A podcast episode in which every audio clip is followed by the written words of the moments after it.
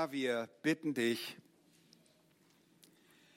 dass wenn du durch dein heiliges Wort zu uns redest, dass wir hören, wie du es möchtest, dass wir als deine Jünger hören, wie wahre Jünger hören und dass du mir hilfst beim Reden, um das auszudrücken, was du auch wirklich gesagt hast.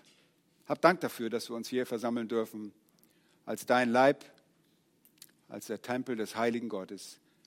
Herr, dass wir auch kollektiv dein Wohnort geworden sind.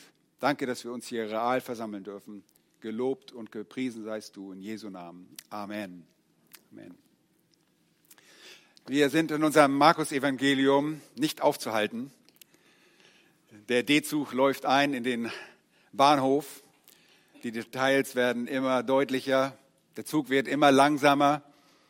Und in den ersten Kapiteln ging es rasant voran durch die Jahre die Dienstjahre unseres Herrn Jesus Christus. Jetzt kommen wir zu den Details und wir wissen, der Herr Jesus unterrichtet ganz besonders zu diesem Zeitpunkt auch seine Jünger. Und die haben es wirklich nötig, unterwiesen zu werden. Es gibt dort ein paar hartnäckige Themen, die er nicht nur einmal, nicht nur zweimal, sondern mehrere Male ansprechen muss. Und eines dieser Themen betrachten wir auch heute. Und nicht, dass wir nur Geschichte lernen, diese Dinge sind für uns wichtig, denn als Christen sind wir Jünger Jesu, sind wir Lernende und wir können davon lernen, was auch die Jünger unbedingt lernen mussten. Ich lese uns die Text aus, Markus Kapitel 10, die Verse 35 bis 45. Da traten Jakobus und Johannes, die Söhne des Zebedeus, zu ihm und sprachen, Meister, wir wünschen, dass du uns gewährst, was wir bitten. Und er sprach zu ihnen, was wünscht ihr, dass ich euch tun soll? Sie sprachen zu ihm, gewähre uns, dass wir einer zu deiner Rechten und einer zu deiner Linken sitzen dürfen in deiner Herrlichkeit. Jesus aber sprach zu ihnen, ihr wisst nicht, was ihr bittet. Könnt ihr den Kelch trinken, den ich trinke, und getauft werden mit der Taufe, womit ich getauft werde? Und sie sprachen zu ihm, wir können es.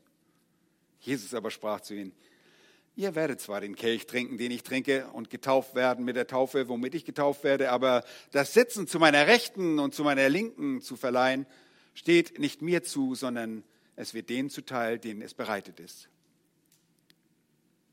Und als die Zehn es hörten, fingen sie an, über Jakobus und Johannes unwillig zu werden. Aber Jesus rief sie zu sich und sprach zu ihnen, Ihr wisst, dass diejenigen, welche als Herrscher der Heidenvölker gelten, sie unterdrücken und dass ihre großen Gewalt über sie ausüben. Unter euch aber soll es nicht so sein, sondern wer unter euch groß werden will, der sei euer Diener. Und wer von euch der Erste werden will, der sei aller Knecht oder Sklave. Denn auch der Sohn des Menschen ist nicht gekommen, um sich dienen zu lassen, sondern um zu dienen und sein Leben zu geben als Lösegeld für viele. Ich habe den Text überschrieben und ich glaube, das ist der Inhalt. Er zeigt uns zwei Wege, aber nur einer führt zur wahren Größe im Reich Gottes. Zwei Wege, aber nur einer führt zur wahren Größe im Reich Gottes. Und das sind zwei Wege, die man einschlagen kann aber tatsächlich ist es nur einer, der zur wahren Größe im Reich Gottes führt. Und der erste Weg ist der Weg der Gottlosen.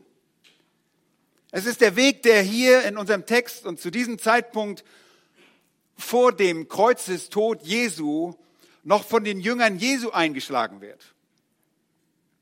Und dabei werden sie angetrieben durch berechnende Ruhmsucht.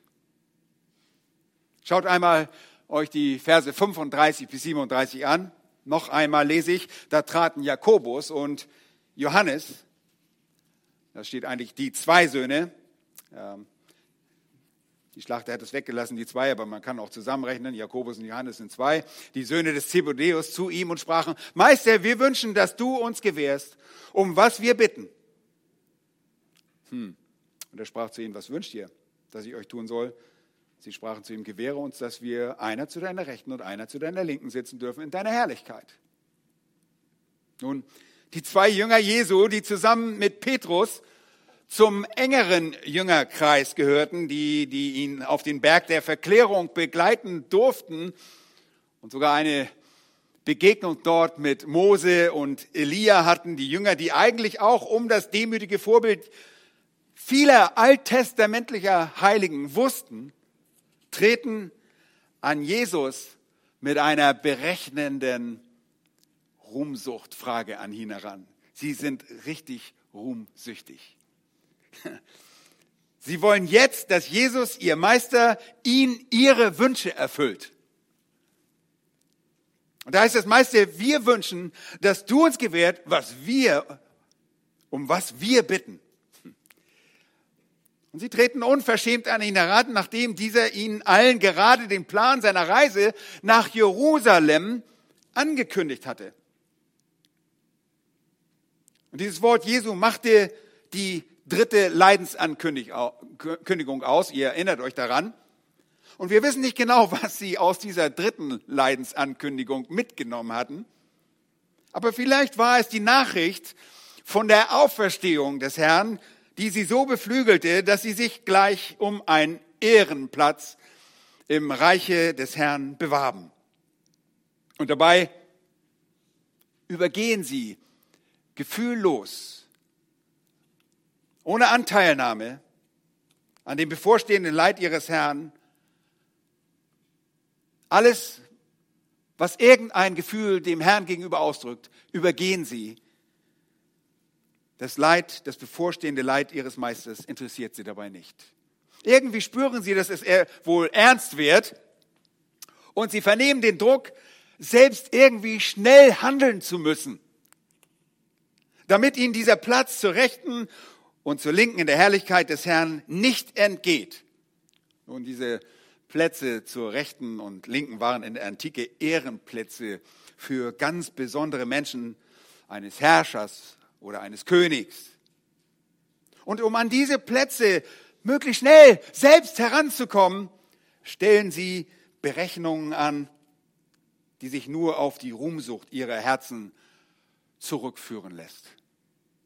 Nun, eines muss man ihnen wirklich zugestehen. Immerhin glaubten sie an das kommende Reich, das die Herrlichkeit ihres Meisters offenbaren würde. Wenn ihr in den Text hineinschaut, lass uns sitzen zu der rechten und linken in deiner Herrlichkeit. Sie glaubten an das Reich. Und das muss man ihnen wirklich zugestehen. Viele Christen glauben heute nicht einmal mehr an das Reich Gottes. Sie sind Amillennialisten. Es gibt nach ihrer Auffassung kein irdisches Reich. Diese beiden Jünger wussten es immerhin besser. Aber dieses Wissen allein heiligte nicht ihr Anliegen. Nur damit ihr versteht, wie berechnend sie waren, sie kamen nicht allein. Schaut mal genau hin. Ihr seht nichts, aber ihr seht es woanders in dem Parallelbericht. Sie kamen nicht allein, sie brachten ihre Mama mit. Mama war dabei. Wir lesen Matthäus 20, Vers 20 folgendes. Da trat die Mutter der Söhne des Zebedeus mit ihren Söhnen zu ihm und warf sich vor ihm nieder, um etwas von ihm zu erbitten. Er aber sprach zu ihr, was willst du? Sie sprach zu ihm, sprich, dass diese meine beiden Söhne, einer zu deiner Rechten, der andere zu deiner Linken sitzen soll in deinem Reich.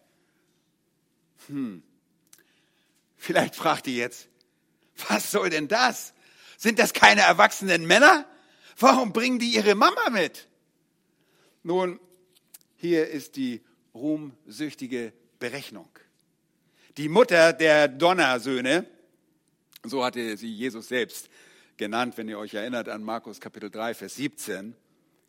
Die Mutter dieser Söhne war eine Tante von Jesus.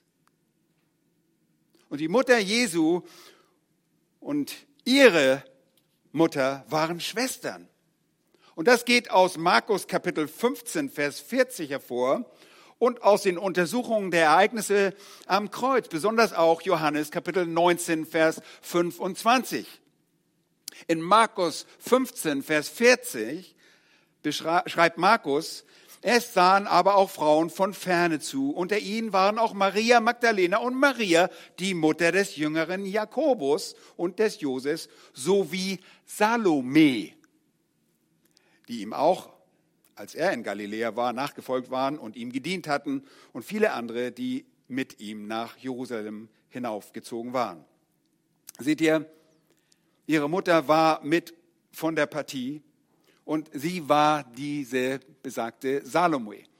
Äh, wir haben nicht die Zeit, das alles zu untersuchen. Macht das mal, schaut euch einmal äh, Johannes 19, äh, Vers 25 auch an. Dort stehen vier Frauen, nicht wie die katholische Kirche sagt, drei Frauen, sondern vier Frauen am Fuße des Kreuzes. Und eine davon ist Salome, die wahrscheinlich die Mutter ist von diesen Donnersöhnen.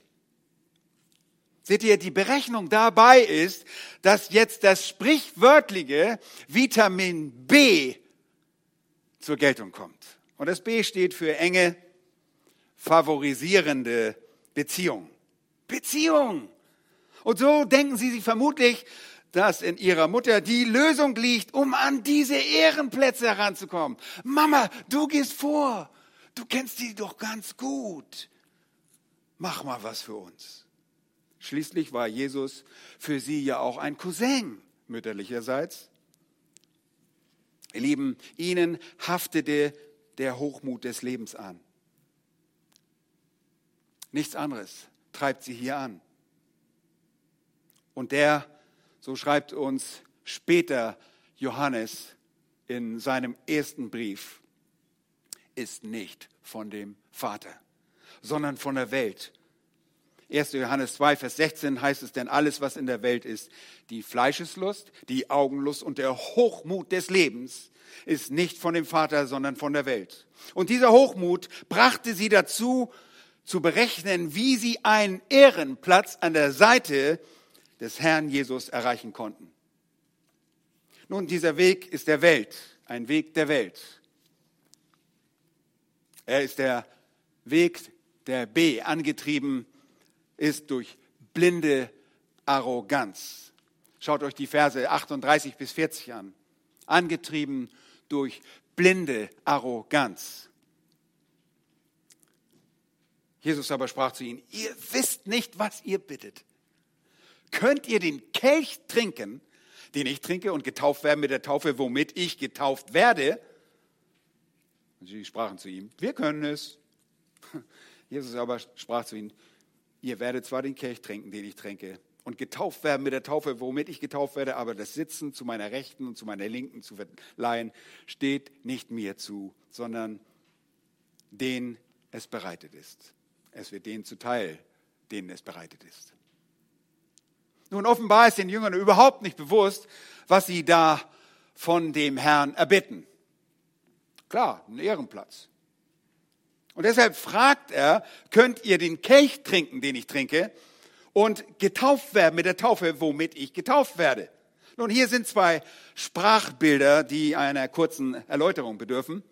Warum stellt er überhaupt diese Fragen? Nun, Jesus weist damit auf die Tatsache hin, dass der Ehrenplatz in seiner Herrlichkeit in Relation, im Verhältnis zum erfahrenen Leid steht, durch das ein Jünger gehen muss.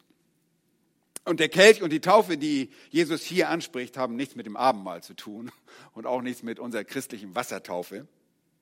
Sie sprechen von dem Leid, das auf Jesus zukommen soll und gerade auf ihn zukommt, in dem er schon steht. Erinnert ihr euch an das Gebet Jesu im Garten von Gethsemane, als er seinen Vater anspricht und bittet und, und sagt, Markus 14, 36, er sprach, aber Vater, alles ist dir möglich, nimm diesen Kelch von mir, doch nicht, was ich will, sondern was du willst. Nun, der Kelch ist ein Bild für den Zorn Gottes, das Strafgericht und somit auch für Leid. Und im Alten Testament wird dieser Kelch wiederholt benutzt und er wird ausgegossen. Und Jeremia, äh, äh, von Jeremia sagt in Jeremia 25, Vers 15, nimm diesen Kelch voll Zornwein aus meiner Hand und gib ihn allen Völkern zu trinken. Das sagt Jahwe zu Jeremia, zu denen ich dich sende. Oder in Jesaja 51, die Verse 22 und 23 spricht Jahwe zu Israel. Siehe, ich will den Taumelbecher aus deiner Hand nehmen, den Kelch meines Grimmes, dass du künftig nicht mehr daraus trinken musst. Und ich will ihn deinen Peinigern in die Hand geben. Seht ihr, das Bild dieses Kelches ist ein Bild des Leidens, des Zorngerichts Gottes. Ebenso ist die Taufe ein Bild vom Hineinsetzen in das Bild, äh, in, in das Leid. Taufe, bitte lassen wir uns nicht verwirren, in der Schrift ist nicht immer nur Wassertaufe. Es gibt viele verschiedene Taufen in der Schrift. Geistestaufe, Leid, Leidenstaufe. Hier ist die Leidenstaufe gemeint. Hineinversetzen in das Leid. Und wir sprechen deshalb ganz genau von einer Leidenstaufe. Mit dem Wasser war Jesus bereits getauft, aber in Lukas 12, Vers 50 sagt er, aber ich muss mich taufen lassen mit einer Taufe und wie drängt es mich, bis sie vollbracht ist? Kann man sich fragen, er ist doch schon getauft worden. Was will er dann noch mehr? Nein, er spricht hier von seiner Leidenstaufe. Und er wäre dankbar und er ist dankbar, wenn das vollbracht ist. Ob mit der Frage nach dem Kelch oder nach der Taufe. Jesus fragt sie, ob sie fähig sind, das Leid des Christus auf sich zu nehmen. Nun, in ihrer blinden Arroganz, noch sind sie wirklich blind für die Wahrheiten, hochmütig, Arroganz ist Hochmut, hochmütig also und sich der Tiefe ihrer Antwort nicht bewusst, antworten sie unverzüglich. Sie nehmen nicht mal ein Timeout und sagen, hey, müssen wir erst mal nachdenken. Nein, sie sagen unverzüglich, wir können es, wir können es. Und Jesus kritisiert sie nicht dafür, auch wenn er das sicherlich hätte tun können, sondern er prophezeit ihnen stattdessen ihre Zukunft. Schaut mal den Text.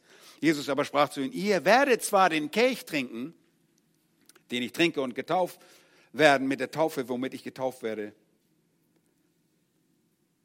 Seht ihr, er prophezeit hier, was in ihrem Leben geschehen wird. Aber das Sitzen zu meiner Rechten und zu meiner Linken, das konnte er nicht bestimmen.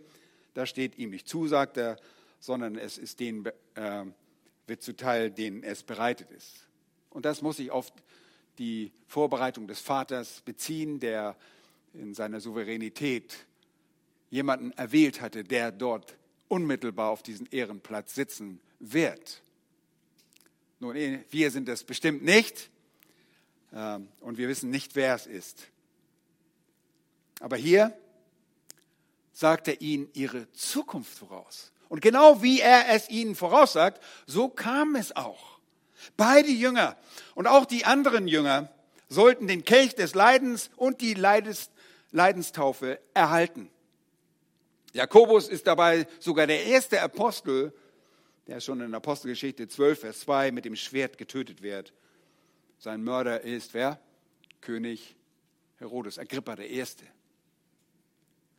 Und der Apostel Johannes, sein Bruder, landet zum Ende seines Lebens als letzter der Apostel nach einem fruchtbaren Dienst in den, bis in die 90er Jahre hinein, landet er auf dem Alcatraz des äh, östlichen, der östlichen Ägäis.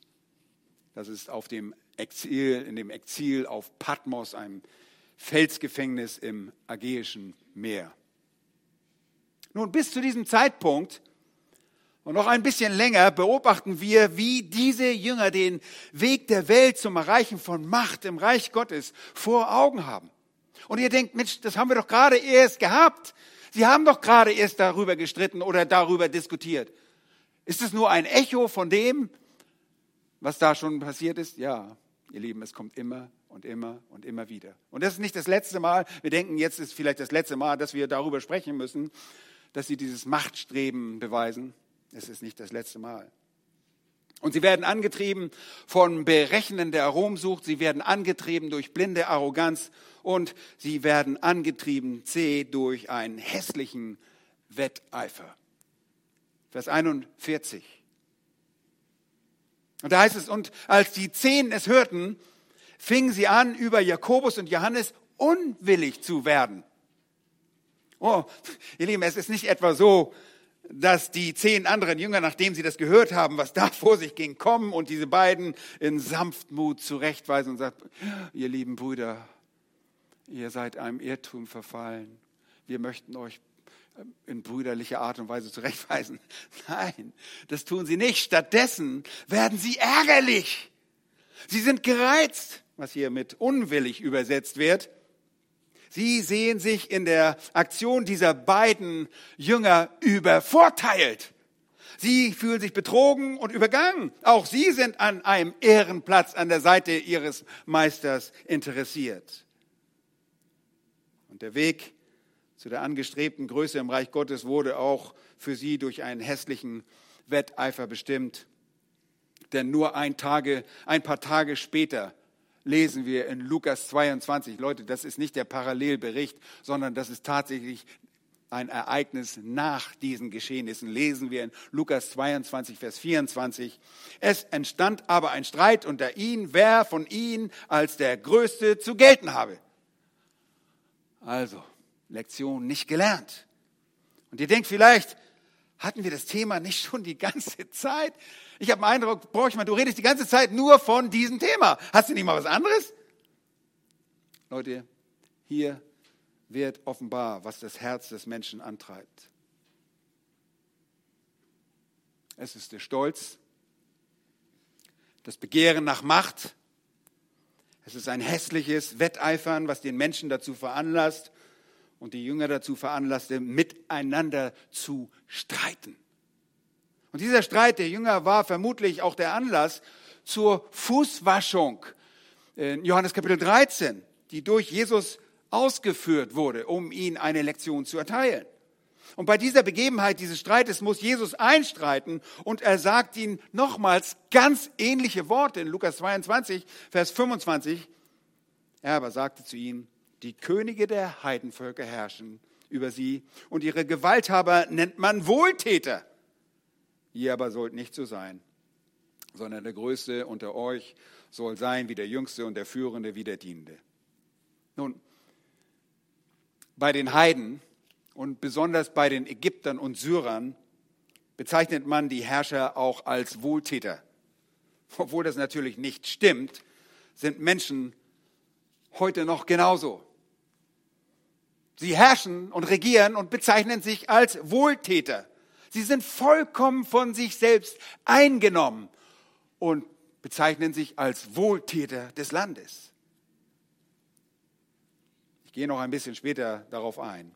Aber jetzt seht ihr, der verkehrte Weg zur Größe im Reich Gottes wird ausgelebt. Und er wird ausgelebt durch heidnische Herrscher. D. Er wird ausgelebt durch heidnische Herrscher in Vers 42.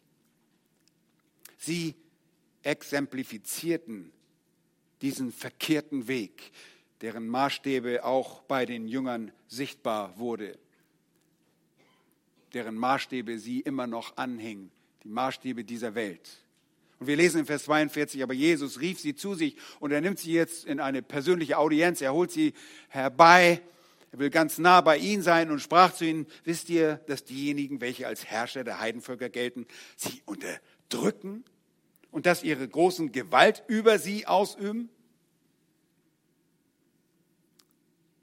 Und er ruft sie zu sich und er erklärt ihnen deutlich, dass der Weg, den sie in Hinsicht auf Anerkennung und Geltung und Führung einschlugen, der Weg gottloser Heiden und deren Herrscher war. Sie, die Jünger, taten solche Dinge und es war nur noch nicht so ausgeprägt wie bei den Herrschern der Heiden. Diese Herrscher sind nicht nur berechnend in puncto Ruhmsucht, nicht nur durch blinde Arroganz angetriebene Wetteiferer, sondern auch dazu noch Unterdrücker. Gewalt ausübende. Und die von dem Herrn beschriebenen Dinge können wir in der Geschichte immer wieder bei Herrschern, Monarchen und anderen einflussreichen Machthabern beobachten. Selbst in der Kirchengeschichte Wir haben gerade äh, von den Bischöfen, das erste Bischofsamt gesprochen. Äh, das sogenannte monarchische Episkopat, wo auf einmal ein Bischof über anderen Ältesten steht. Selbst das uferte aus, selbst dort wurden auf einmal, wurde auf einmal Macht ausgeübt durch die Kirche. Und die Jünger konnten das überall sehen, dass die Herrscher das tatsächlich so taten. Sie kannten Herodes. Die Geschichte und das, dieses Ausmaß des Handelns von Herodes dem Großen und deren Nachfolger, seine Söhne, die Tetrarchen, Sie kannten Pilatus und andere römische Verwalter. Sie konnten das sehr, sehr gut beobachten. Und wir kennen das aus der Geschichte unseres Landes. Wir müssen nicht allzu weit zurückgehen. Und wir kennen das aus der Kirchengeschichte. Und aus diesen Dingen hat sich, an diesen Dingen hat sich auch nichts bis an diesem heutigen Tag geändert. Überhaupt nicht. Wir beobachten die momentane Situation in der Welt und wir sehen, wie ein Virus dieses Streben nach Ruhm, blinde Arroganz und das Wetteifern der Politiker, der Herrscher und ganzer Nationen fördert. Die werden auf einmal alle irre. Jeder sieht in den gegebenen Umständen der vermeintlichen Pandemie eine Gelegenheit für sich. Jeder springt irgendwo auf und sucht eine Gelegenheit für sich Macht auszuüben. Nun, der Politiker, ob das auf Landes- oder kommunaler Ebene ist, will sich dadurch profilieren, indem er ein paar Leute kommandieren, herumkommandieren kann und äh, Macht ausüben möchte. Er möchte ganz nach oben aufsteigen. Ich möchte keine Sprüche hier lossagen, aber man könnte das tun. Nun, der sonst im Hintergrund arbeitende Virologe kann sich hervortun und seine Arbeit ist auf einmal in den Medien. Wow! Und der Mediziner, der Mediziner lässt sich auf die Schulter klopfen. Der Gesetzeshüter möchte hart durchgreifen. Die Exekutive würde am liebsten auch die Legislative beherrschen. Er möchte am liebsten selber Gesetze verfassen. Und letztlich wird die Situation, die halb so schlimm ist, wie sie dargestellt wird und als eine Pandemie vermarktet wird, durch ein Streben nach Macht und nach Führung wird sie aufgebauscht. Nun, wir sind keine Leugner dieses Virus. Wir glauben, dass es diesen, dieses Virus gibt. Aber ihr Lieben, das, was daraus gemacht wird, ist einfach schrecklich. Und das Problem liegt eher in dem Verhalten dieser Herrscher heute als bei dem Virus, bei dem Covid-19-Virus. Diese Herrscher werden selbst beherrscht von der Möglichkeit, über andere bestimmen zu können. Sie wollen Gott kontrollieren und sie wollen anerkannt werden. Was für ein verdrehter Weg unserer Welt. Und dem Herrn sei Dank, die Jünger durften erkennen, wie selbstfokussiert sie waren. Und der Text zeigt uns ihren rechtschaffenen Weg auf. Bevor wir das aber tun, möchte ich darauf hinweisen, dass Jesus natürlich wusste, dass auch sie, die Jünger, einmal ganz große werden sollten. Das sind sie trotzdem geworden. Und so sagt er in Lukas 22, noch vor seinem Tod am Kreuz, sagt er ihnen, ihr aber seid die, welche bei mir ausgeharrt haben in meinen Einfechtungen und so übergebe ich, oder das Wort ist bestimme ich, ein Begriff, der beim Schließen von Bündnissen gebraucht wird, so bestimme ich und übergebe ich euch ein Königtum, wie es mir mein Vater übergeben hat, so dass ihr an meinem Tisch in meinem Reich essen und trinken und auf Thronen sitzen sollt, um die zwölf Stämme Israels zu richten. Wow, das muss runtergegangen sein wie Butter. Also doch, wir werden am Tisch sitzen. Ja, das durften sie, denn sie waren wahrhaftig große Männer. Und wir brauchen nur in der Bibel weiterlesen und wir sehen, was für große Männer sie waren. Aber lasst uns den zweiten, den zweiten Weg ansehen, den Weg der erkauften Jünger Jesu. Ihr Lieben, das ist übrigens der Weg aller Jünger. Es ist der Weg aller Christen, denn Christen sind Jünger. Und die Jünger würden zuerst Christen genannt in Antiochia in Syrien. Und es ist der Weg A, mit einem ehrbaren Anliegen. Es ist der Weg mit einem ehrbaren Anliegen. Da heißt es Vers 43, unter euch aber soll es nicht so sein, sondern wer unter euch groß werden will. Nun, das Streben nach der Größe im Reich Gottes an sich wird nicht von Jesus kritisiert. Es ist lediglich die Art und Weise, wie diese Größe von den Jüngern angestrebt wird, was ihre Motivation dabei ist. Das ist es, was Jesus anders sehen will. Er sagt, unter euch soll es nicht so sein, das, was die Herrscher der Heiden tun, ihre Großen, das, was die Jünger bisher taten, entsprach nicht dem Denken des Herrn. So sollte es nicht sein. Tatsächlich ist es so, selbst nachdem wir den vorangegangenen Text gelesen und studiert haben, dass es im Reich Gottes Abstufungen in Hinsicht auf die Größe geben wird. Es wird tatsächlich unterschiedlichen Lohn geben, denn die Treue beim Dienen nimmt Einfluss auf den Lohn. Und dabei ist es nicht ein vermeintlicher Gesetzeslohn der, oder der vermeintliche Gesetzeslohn, der sich aus Werken des Gesetzes ergibt, der ist nicht gemeint, sondern der Lohn innerhalb der bereits begnadigten Kinder Gottes. Dieser Lohn für die Kinder Gottes fällt unterschiedlich aus. Wenn wir als solche eines Tages vor dem Schiedsgericht, dem sogenannten Bema, dem Richterstuhl Christi treten werden. Dort ist die Treue das Kriterium. Größe im Reich Gottes spricht von der Treue eines Jüngers. Sie ist auch an das vom Jüngern erfahrene Leid gekoppelt dass das Kind Gottes willig trägt und es um Christi willen erduldet und dabei treu bleibt oder eben auch nicht. Aber davon gleich noch ein bisschen mehr. Nun, Jesus selbst sollte groß sein. Oh, das ist kein Geheimnis für uns als Christen. Aber so lesen wir es aus den Worten des Engels Gabriels. Wir haben ja schließlich Weihnachtszeit und äh, während der Geburtsankündigung des Herrn lesen wir in Lukas 1, sagt Gabriel zu Maria, und siehe, du wirst schwanger werden und einen Sohn gebären, du sollst ihm den Namen Jesus geben. Dieser wird groß sein.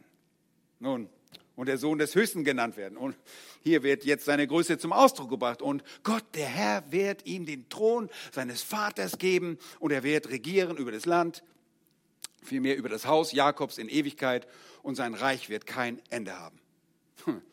Er wird nicht nur groß sein, sondern er ist der Größte, der Thronende. Und er besitzt wahre Größe. Er gilt als Maßstab wahrer Größe. Wir hingegen sind nichts. Wir sind wie Staub. Wir sind wie Asche, aber wir wollen ihm, dem Herrn, in allem ähnlich sein, auch in geistlicher Größe. Und dieses Anliegen an sich ist gut.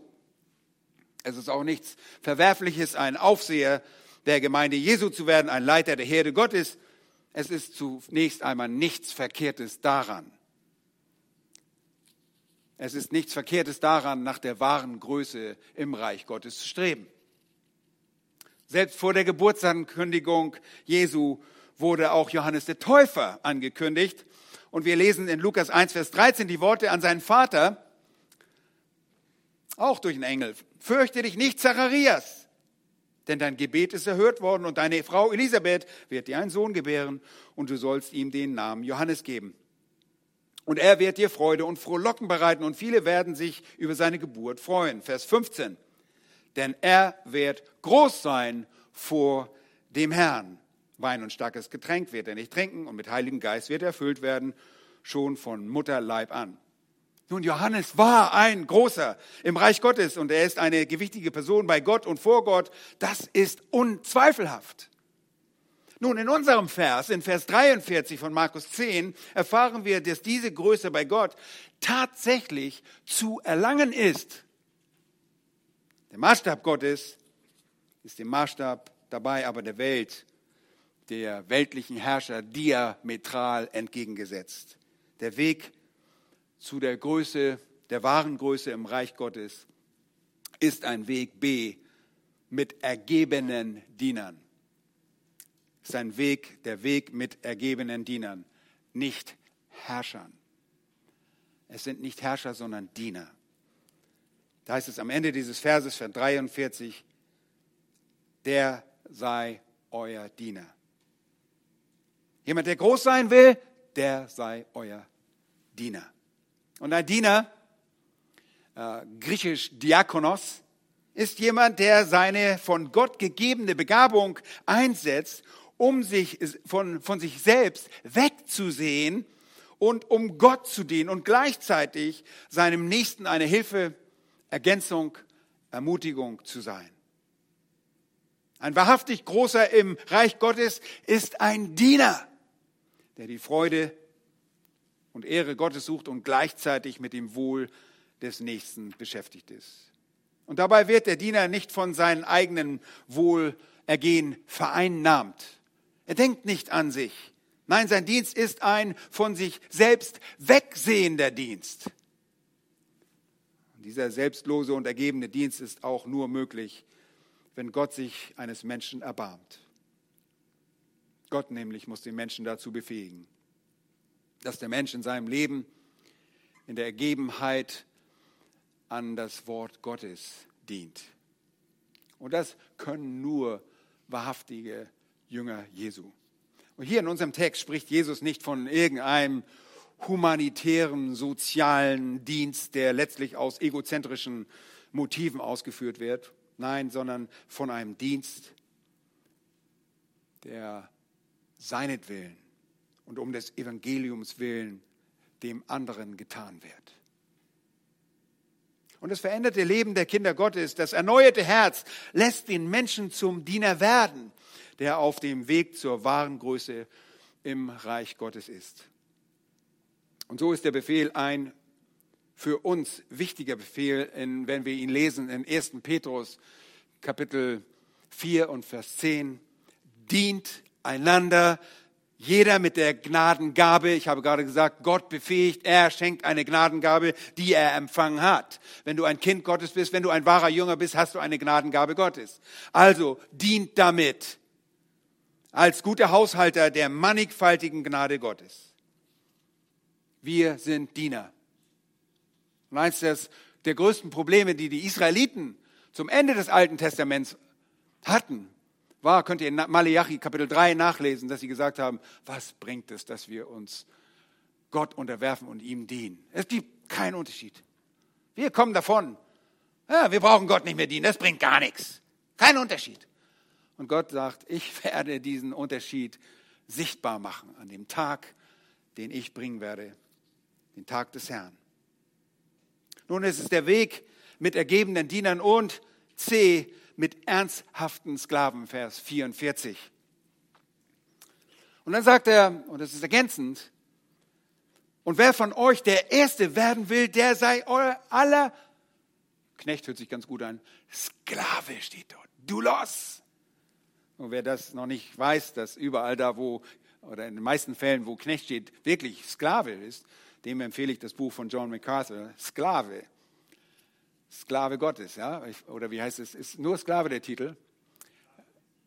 Sklave Christi? Ja, ich empfehle euch, euch zu lesen. Das ist äh, recht interessant, auch wenn ich den Titel gar nicht gerade wusste. Sklaven sind Leibeigene. Sie haben keine eigenen Rechte. Sie gehören ihrem Herrn. Nur die Frage stellt sich, wer ist ihr Herr? Wer ist dein Herr? Wer regiert sie? Wer regiert dich? Und der natürliche Mensch ist ein gefangener Sklave seiner eigenen Sünde. Er ist ohne den wahren Gott, ohne Jahwe auf dem Weg zu dem Gott dieser Welt. Und das ist Satan, der Ansprüche stellt und seine Untertanen versklavt, um ihren Tod, ihre Verdammnis herbeizuführen. Nichts anderes hat Satan als Absicht. Und in Vers 44 liefert der Herr Jesus den fehlenden Aspekt zum Maßstab für die wahre Größe im Reich Gottes. Er erklärt seinen Jüngern, dass der Protos, der Erste im Reich, ein Sklave aller sein muss. Nun, das aller hier ist im Kontext limitiert auf die Jünger, denn im Vorsatz steht, wer unter euch der Erste sein will. Also das bezieht sich auf die unter euch, auf die Jünger. Und Deshalb musst du ein Jünger, ein Sklave der Jünger sein, wenn du der Erste sein willst. Wie wir gerade bei Petrus gelesen haben, ist das der primäre Dienst der Jünger an den Mitjüngern. Petrus sagte, dient einander. Wem dienen wir? Zuerst dienen wir dem Leib Jesu Christi. Der Leib wird dadurch auferbaut. Und um das tun zu können, muss der betreffende Mensch sich dem Herrn ergeben, denn diese selbstlose Einstellung zu erlangen ist nicht ein natürliches Geschehen. Wir wünschten, das wäre natürlich sofort vorhanden. Keiner macht sich selbst zum Wohle der Allgemeinheit zum Sklaven des anderen. Nur durch die Änderung der Gesinnung, durch die Reinigung, durch die Wiedergeburt wird ein Mensch einen Blick für den Sklavendienst gegenüber seinem Mitchristen bekommen. Und das sollten die Jünger noch lernen, denn sie waren längst nicht angekommen, das zu verstehen. Sie brauchten eine Vorzeichnung, sie brauchten ein Beispiel, sie brauchten einen Prototypen.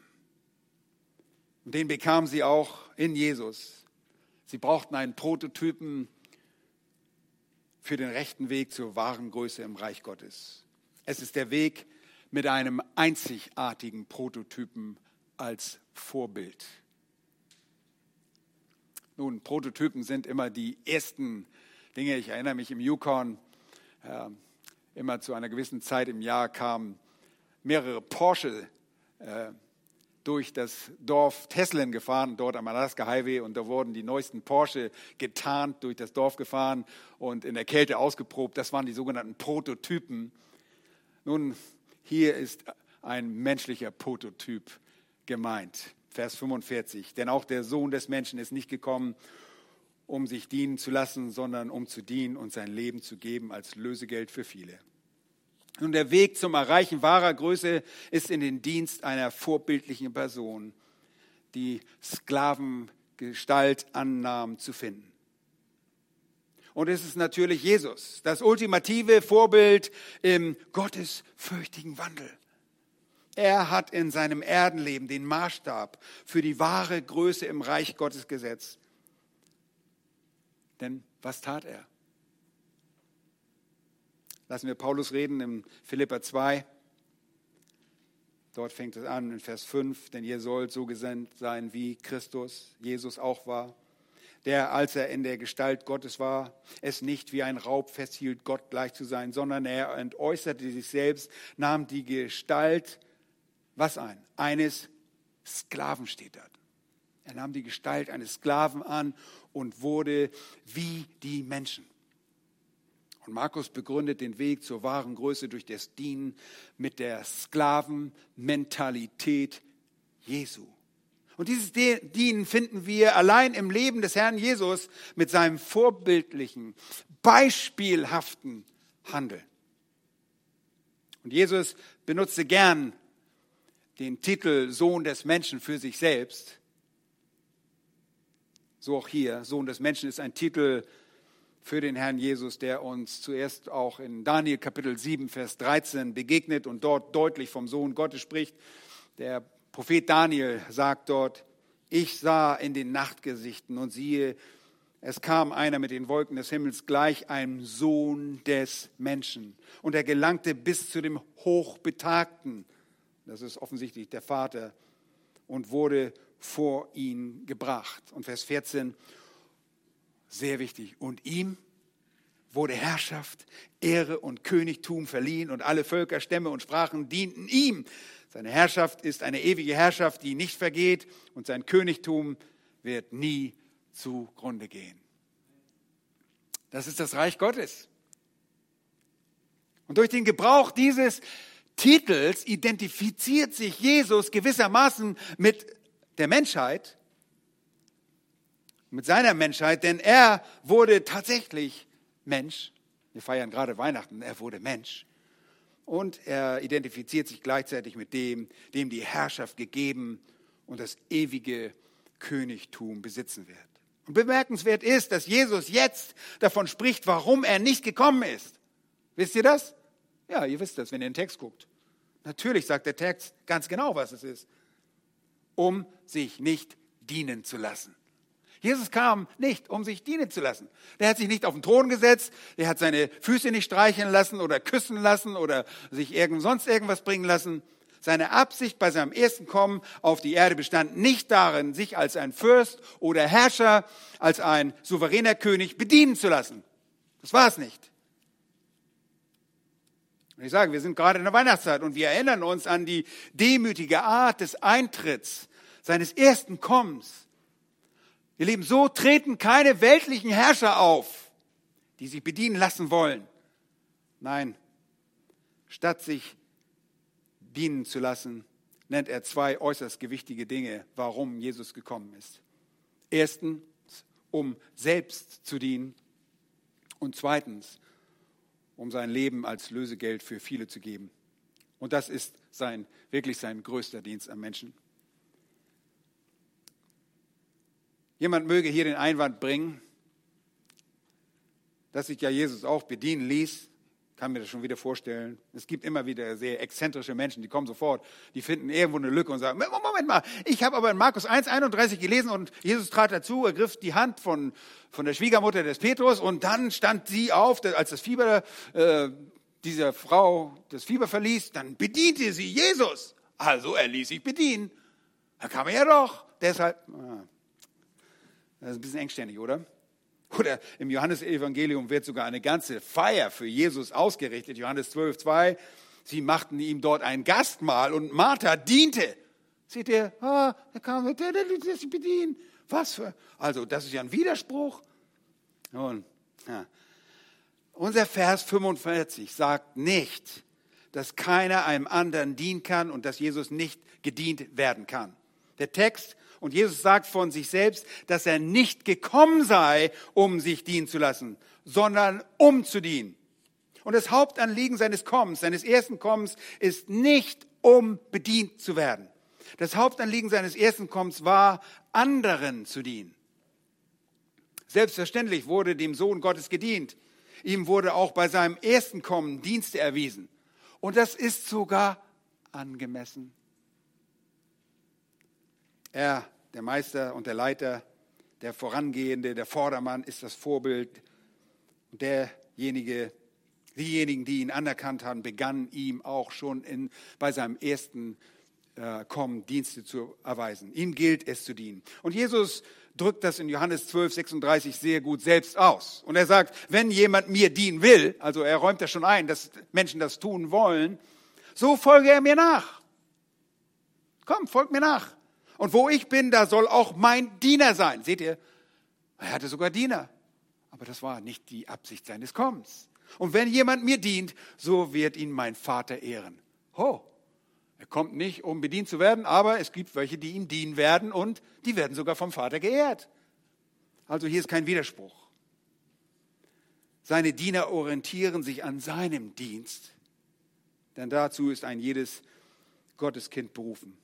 Und wir alle sind Diener. Ich kann das nicht genug betonen. Ein Christ ohne Dienst ist ein Widerspruch in sich selbst.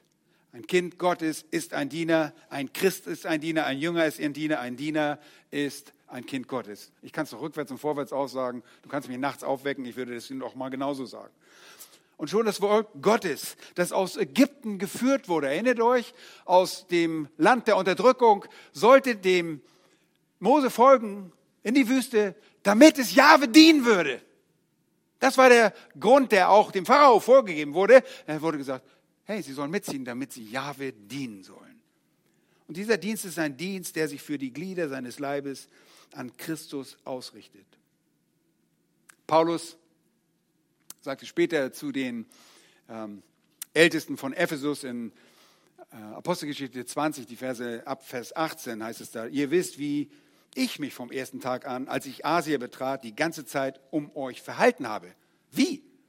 Das führte aus Vers 19, dass ich dem Herrn diente, mit aller Demut unter vielen Tränen und Anfechtungen. Moment, dem Herrn gedient? Wie konnte er dem Herrn dienen? Der Herr war doch gar nicht mehr da genauso wie wir jetzt einander dienen. Erinnert ihr euch? Das, was ihr einem dieser Geringen tut, das habt ihr mir getan. Wenn wir einander dienen, dienen wir dem Herrn. Das ist der Dienst.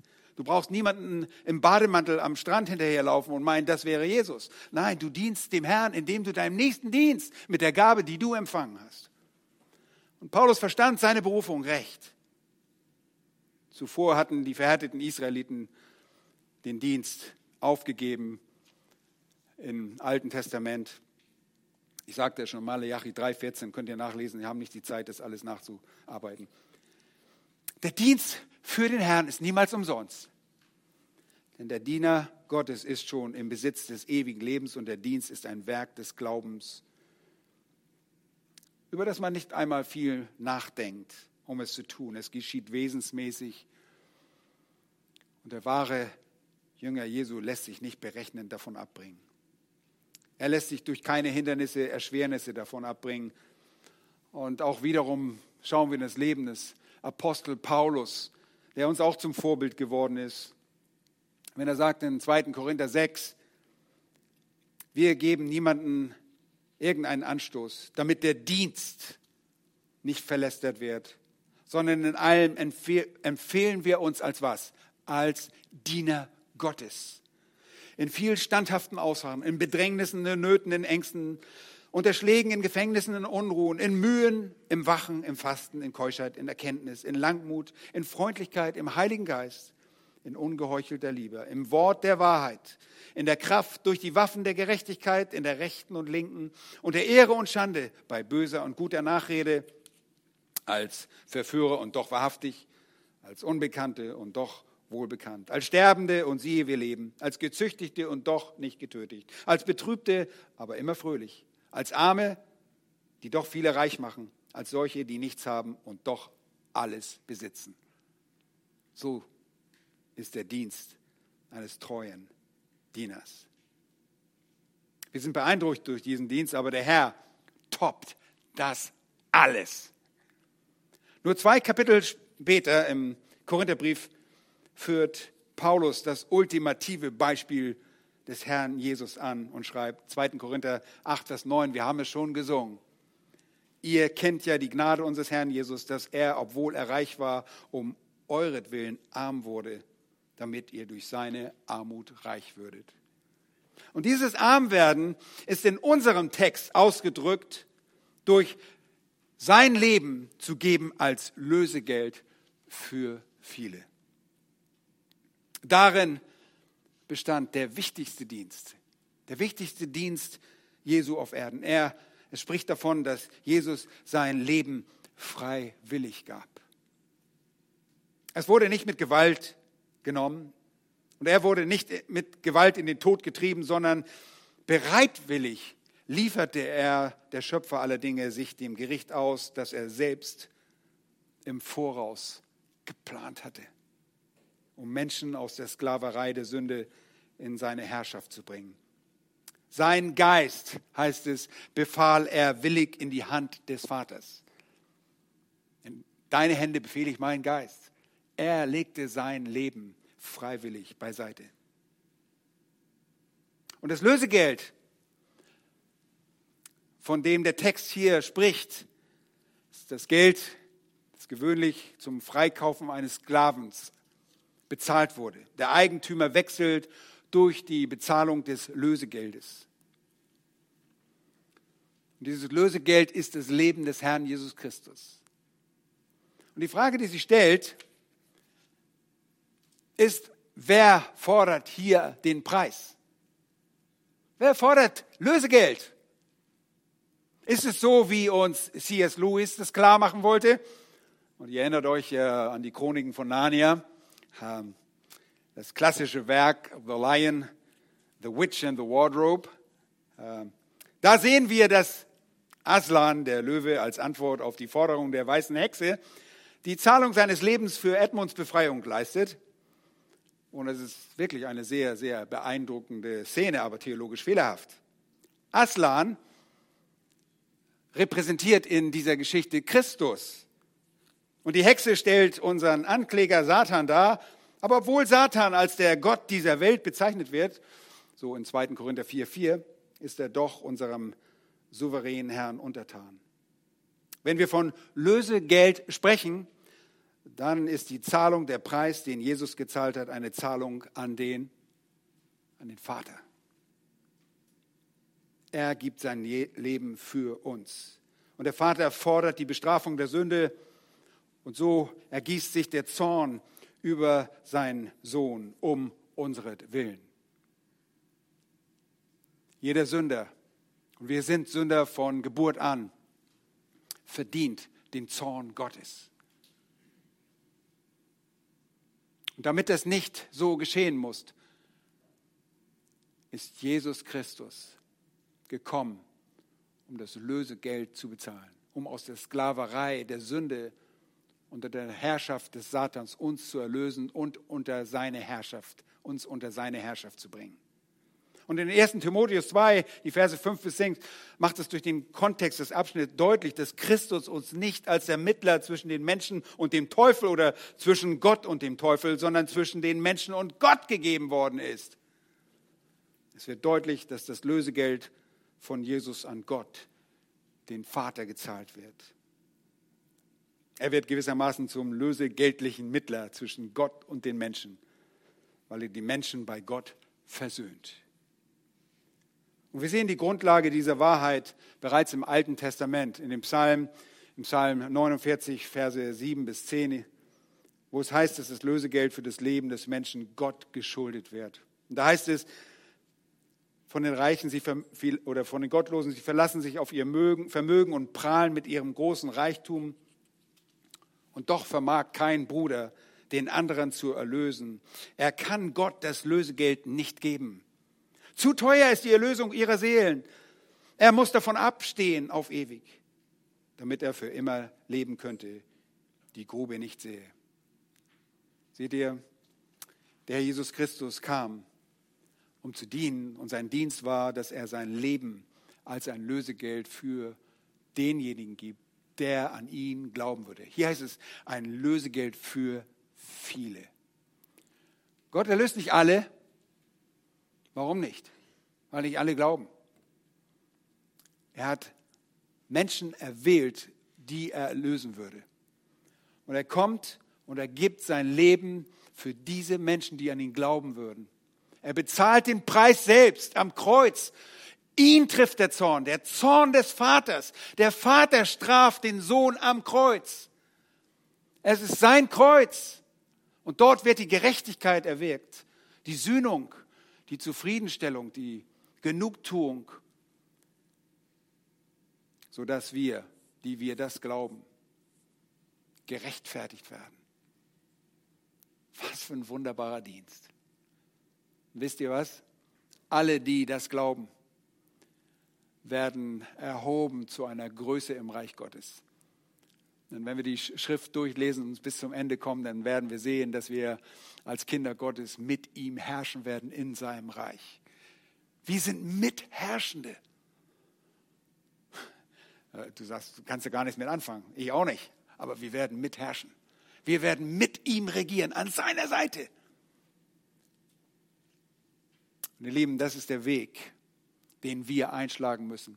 Und wenn du Gott nicht kennst, wenn du den Herrn Jesus nicht kennst, wenn du keine Beziehung zu ihm hast und immer noch nicht klar, dir nicht klar ist, was das wirklich bedeutet, dann komm, sprich uns an. Wir möchten dir, wenn du das nicht weißt, was es bedeutet, dir den Weg zeigen. Den Weg, der zur wahren Größe im Reich Gottes führt, damit du nicht auf ewig verloren gehst. Das ist unser Anliegen. Deshalb sind wir hier, deshalb predigen wir das Wort Gottes. Lass uns beten.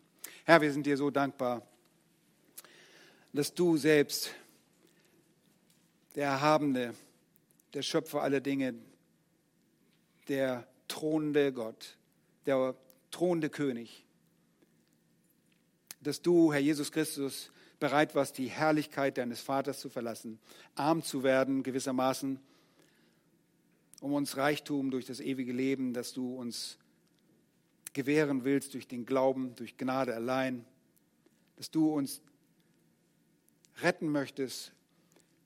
Danke dafür, dass wir das sehen dürfen, dass du gekommen bist, in aller Demut ein Leben der Heiligkeit geführt hast, bis zu deinem Tod und nicht im Tod geblieben bist, sondern auferstanden. Du hast das Lösegeld bezahlt, um uns freizukaufen von der Sklaverei unserer Sünde, von dem Todesurteil, das über unserem Leben stand, der ewigen Verdammnis. Du hast das Lösegeld bezahlt, damit wir durch den Glauben neues Leben, ewiges Leben, ein Leben bei dir haben dürfen. Wir danken dir von Herzen dafür und bitten, dass du noch viele rettest in dieser Zeit. Herr, dass wir auch selbst als deine Jünger nicht die Wege der Welt einschlagen, in einer in einem Wetteifer oder in, einem, in einer, Arroganz, die nicht zu uns gehört, sondern zu den weltlichen Herrschern. Hilf uns, demütig zu sein, in Demut einander zu dienen, den Nächsten höher zu achten als uns selbst. So befehlen wir uns dir und deiner Gnade an. In Jesu Namen. Amen.